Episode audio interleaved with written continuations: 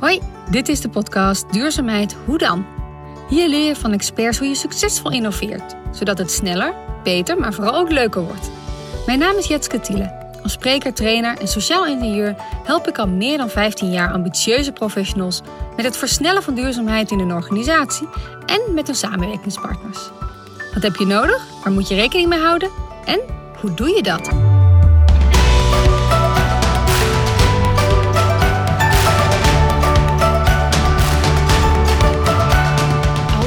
Afgestudeerde vrouw wilde ik de wereld zien. Ik had de afgelopen maanden gewerkt bij Rijkswaterstaat en een opdracht hoe zij duurzaam konden inkopen. Specifiek hoe zij binnen de Europese aanbestedingsregels hout duurzaam konden inkopen. Voor sluizen, dijkversterking en als wrijfhout wordt er veel tropisch hardhout toegepast. Dus hoe zit dat eigenlijk? Toen net begon en werd geïntroduceerd in de wereld van Rijkswaterstaat, maakte ik natuurlijk de naïeve opmerking: Goh, kunstwerken? Ik wist niet dat jullie dat ook doen. Denkend dat het om beeldende kunst ging. Maar zo worden de technische hoofdstandjes en constructies genoemd. Oh, zo kunstwerken. Oeps, ik was meteen ingewijd. Maar goed, dat we, als we dan tropisch hardhout inkopen, laten we dat dan wel doen uit duurzaam beheerde bossen. En bijvoorbeeld FSC of PEFC gecertificeerd. Waardevolle werkervaring en een inkijkje in de complexiteit van het systeem waar we met elkaar in zitten. Ik zag soms door alle bomen het bos niet meer. Materiaalstromen over de hele wereld, de economische afhankelijkheid, het uh, inzicht in de inkoopketens en de partijen daarin. Maar ja, hoe zien die bossen er eigenlijk uit? Waar kan ik ze nog zien? En dit in combinatie met de kans die ik greep om drie maanden alleen door Azië te kunnen reizen, ging ik op weg. Ik pakte mijn backpack, de Lonely Planet, en maakte een site aan van waarbenjij.nu voor de thuisblijvers. Kennen jullie die nog? Facebook en Instagram bestond toen nog niet. En mijn Nokia-telefoontje nam ik mee om te kunnen sms'en. En daar ging ik. Via Vietnam, Thailand naar Indonesië. Op Borneo, Kalimantan, wilde ik nog dolgraag die oerbossen zien. Dus ging ik vanuit Balikpapan met een gids in een bootje de Mahakan River op. Twee volle dagen de rivier op, fantastische dingen gezien. Maar geen oerbos meer. Het greep me aan. Het gaat zo snel en hoe kunnen we dit nou tegenhouden? Zal ik me hier aan een boom vastketenen of trouwen met een lokaal vissertje? Hoe maak ik nou de thuisfront duidelijk? En toen wist ik het. Dat ik meer impact zou maken als ik thuis met mijn diploma op zak mijn invloed kon uitoefenen hoe wij hier in Nederland hout inkopen. Met een keurmerk. Zodat de concessies hier in Indonesië, maar ook elders, reden hebben en gestimuleerd worden om een duurzaam bosbeheer te doen economisch gedreven, maar duurzaam ook op de lange termijn. Mijn reis naar Azië en in het hart van Borneo was niet alleen een belangrijke levenservaring, maar daar heb ik namelijk ook geleerd te vertrouwen op mijn intuïtie, mijn innerlijk kompas. Ik kon letterlijk doen waar ik die dag zin in had, zonder rekening te houden met reisgenoten. Wat wil ik nou eigenlijk? Maar ook omdat ik alleen was, moest ik ook erg sterk varen op mijn intuïtie. Voelde een plek niet goed? Wegwezen. Maar ook wat voelde wel goed en daarop varen. Voor mij een belangrijk moment waar, mijn, waar ik ook mijn drijfveer vandaan haal. Hoe beschermen we ons waardevolle longen en het biodiverse leefgebied? Heb jij ook zo'n moment gehad waardoor de noodzaak extra binnenkwam? Je ergens van schrok of juist hoop uitputte? Laat het me weten. Stuur me een berichtje. Dat vind ik hartstikke leuk om te horen. Ik ben organisaties gaan helpen in Nederland om duurzaam in te kopen, door van de inkoopmacht juist een kracht te maken. Later heb ik de eer gehad om voor het initiatief Bouwen voor Borneo de samenwerking van de Nederlandse woningcorporaties te bundelen in een convenant. En als een van de drie sprekers het kantoor van het Wereld Natuurfonds in Zeist te openen. Dit kantoor was ontworpen door een van mijn inspiratiebronnen, Thomas Rauw. Ja, inspiratie kan je overal vinden. Maar hoe weet je hoe je duurzaamheid daadwerkelijk verder moet brengen? Wat zijn de spelregels voor duurzame ontwikkeling? Dat ga ik je in deze podcast verder vertellen. Als je aan mensen vraagt: Goh, wat betekent duurzaamheid eigenlijk voor jou? krijg je vaak verschillende antwoorden. Gaat het over uh, verlagen van je verbruik, elektriciteit of water in huis? Hoe maak je het betaalbaar? Gaat het over voedsel? Op welke manier wordt ons voedsel verbouwd? Of hoe goed is je isolatie eh, van de woning? Of heb je zonnepanelen? Hoe zit dat met de, de stijging van eh, de temperatuur op aarde of de extreme weersomstandigheden? Hoe zorgen we voor de natuur of de mensen om ons heen? Hoe zorgen we dat we meer kunnen vergroenen in ons stedelijk gebied of juist de biodiversiteit buiten? Hoe zit het met dat afvalprobleem? Hoe kunnen we ervoor zorgen dat we meer gaan recyclen en beter afval scheiden? Maar ook het productie. Productie van energie op een duurzame wijze via de zon of via wind. En hoe zit het dan met die kolencentrales en de biomassa? Maar ook sociaal. Hoe zorgen we ervoor dat we samen hier kunnen samenleven? Allemaal verschillende aspecten die met duurzaamheid inderdaad ook te maken hebben en antwoorden die je daarvan krijgt. Wat belangrijk is om te weten bij duurzaamheid is dat het uiteindelijk gaat natuurlijk over het globale plaatje. We hebben bijvoorbeeld de, Earth Overshoot Day. Dat is een dag waarop wij alle materialen die we de aarde ons kan schenken, ons kan bieden, kan groeien, eh, verbruiken of verbruikt hebben.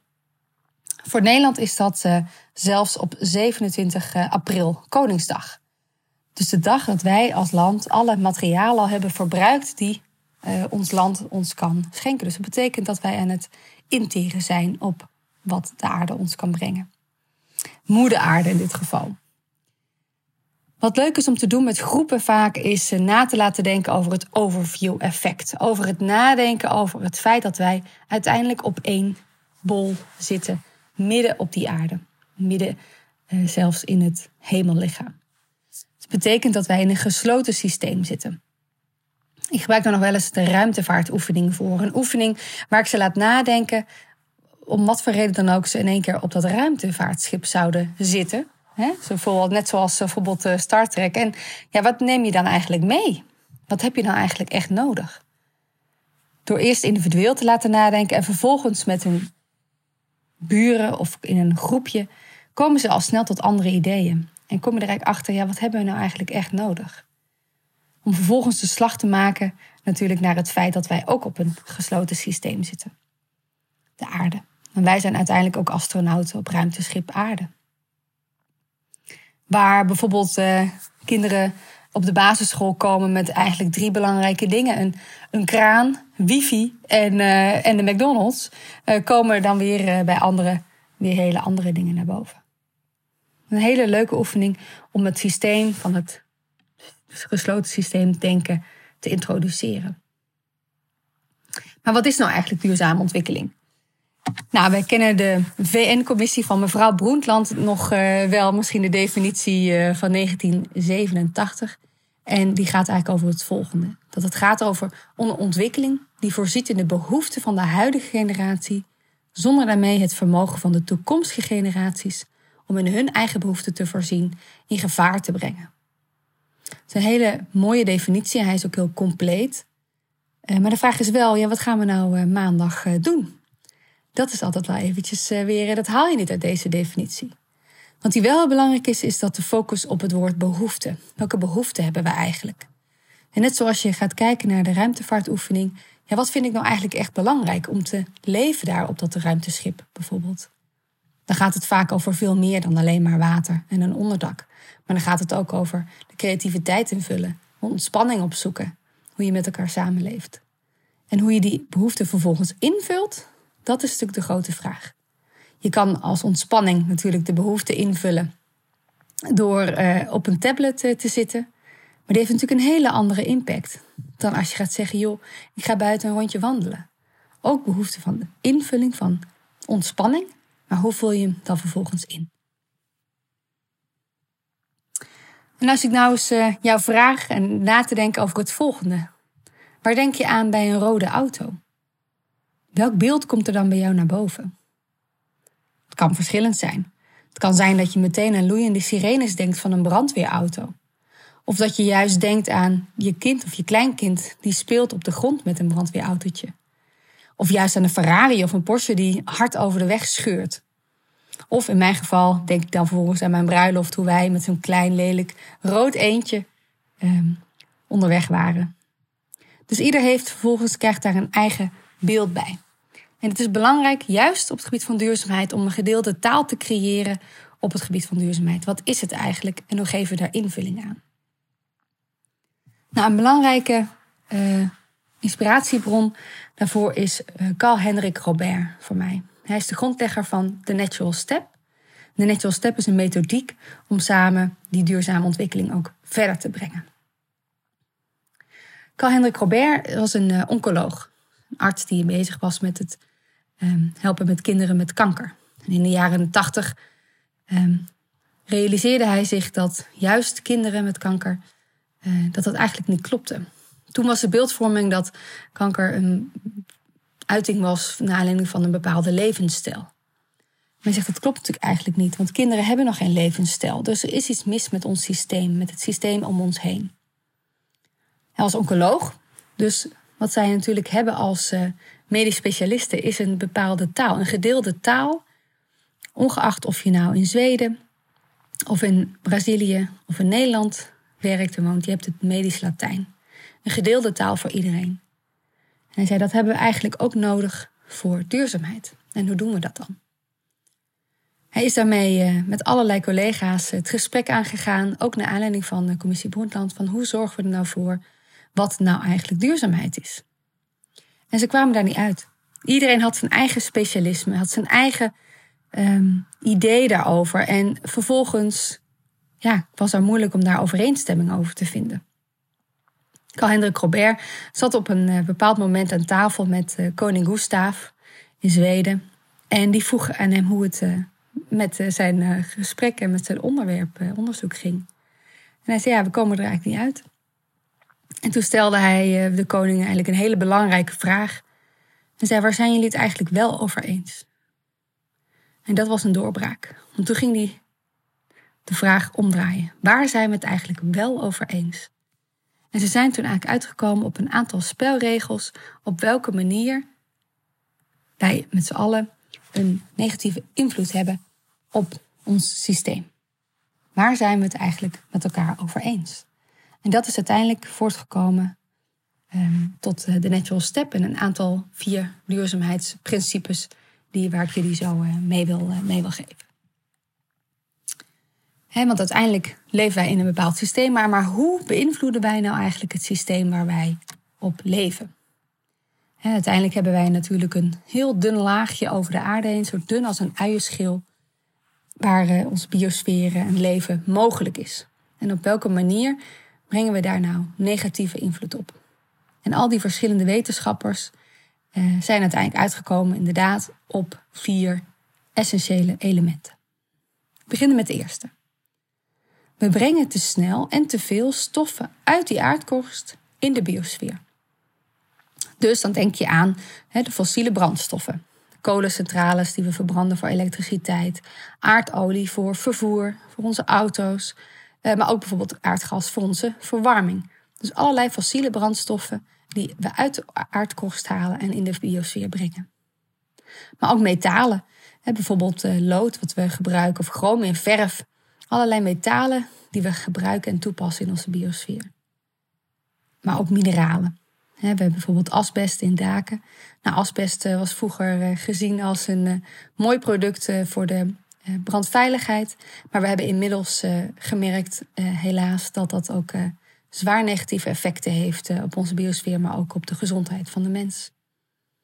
maar ook fosfor bijvoorbeeld in afvalwater. Dus allerlei verschillende mineralen. Dus dat is het eerste. Te veel en te snel stoffen uit die aardkorst in de biosfeer.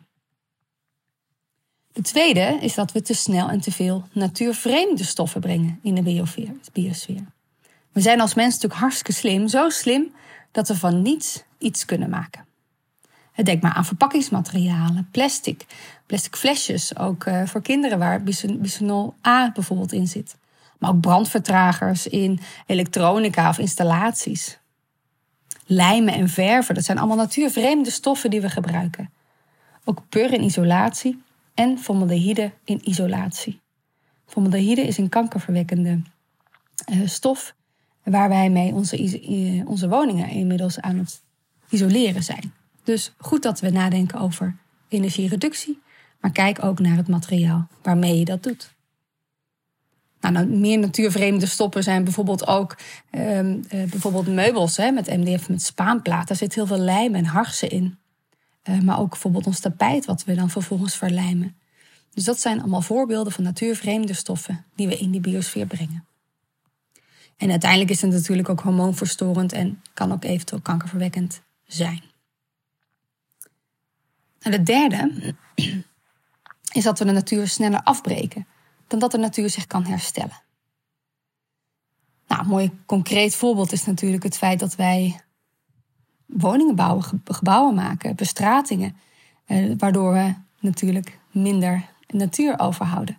Maar ook de versnippering van die natuur in de wijken. Dus dat het niet meer met elkaar aaneengesloten is. We zeggen wel eens hè, een mooie onderhoudsvrije tuin, alsof dat dan staat dan synoniem aan het uh, een volledig versteende tuin. Um, terwijl het juist ook belangrijke onderdelen zijn van, uh, van onze natuur en onze omgeving. Maar je kan ook denken aan die ontbossing voor houtwinning, waar ik net al over had, bijvoorbeeld op Borneo. Maar natuurlijk ook op andere plekken van de wereld, zelfs in Nederland. Nou, denk ook over de overbevissing van de zee, het uitstoot van methaan door de bio-industrie. En we hebben natuurlijk na de Tweede Wereldoorlog gezegd: nooit meer honger. En terecht, en toen zijn wij ook heel goed geworden in, het, in de voedselproductie en de efficiëntie daarvan.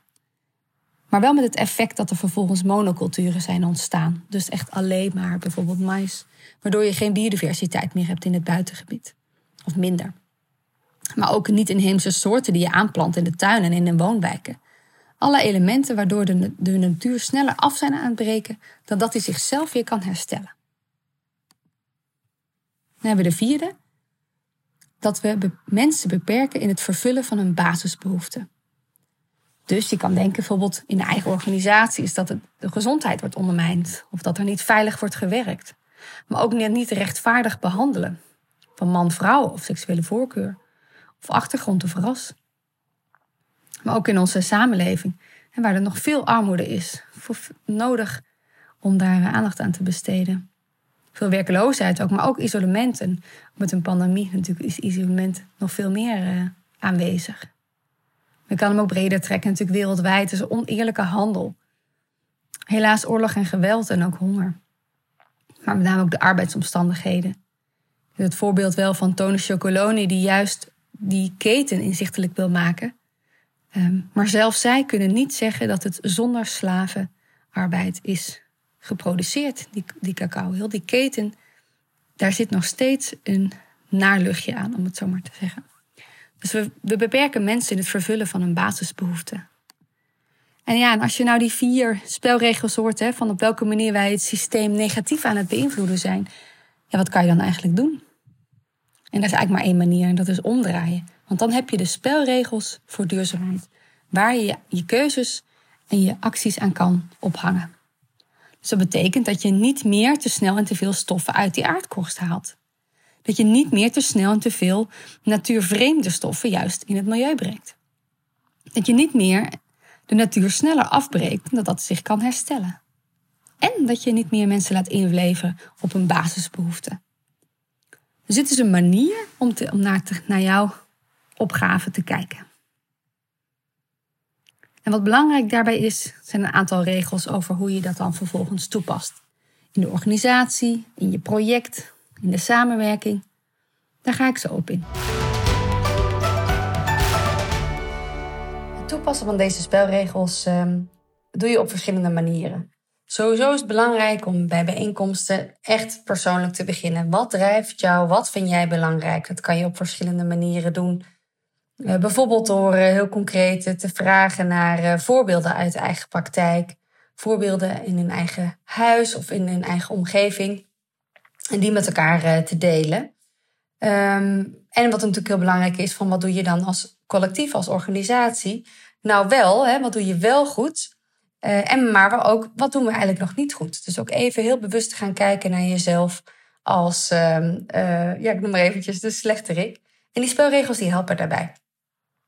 Daarnaast is het belangrijk om door middel van die stappen zo te, te, lopen met elkaar, dat je gedeelde taal, krijgt. Over wat vinden we nu eigenlijk belangrijk, waar willen we naartoe werken. En ik doe dat door middel van trainingen, strategische sessies, eh, zodat je eigenlijk ambassadeurs creëert. Ambassadeurs die zelf het verhaal kunnen vertellen rondom duurzaamheid, wat voor hun persoonlijk belangrijk is en voor de organisatie.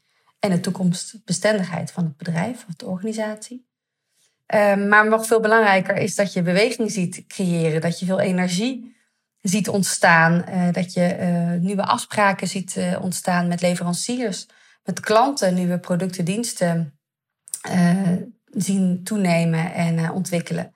En dat is natuurlijk het gaafste wat je, wat je kan creëren. Dus ik voel mij een blij mens en een bevoorrecht mens om ambitieuze organisaties te helpen met hun positie in, het, in de vol en midden in de transitie.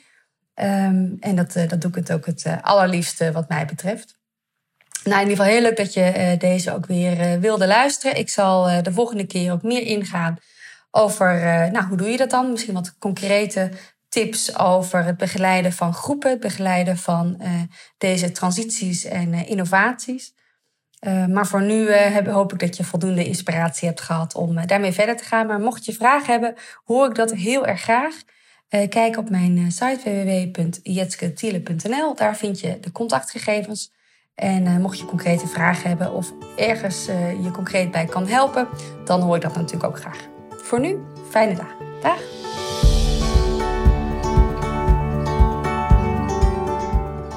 Je luistert naar de podcast Duurzaamheid Hoe dan? Wil je meer weten over de kaart van Nederland van 2120 en de tips van Tim?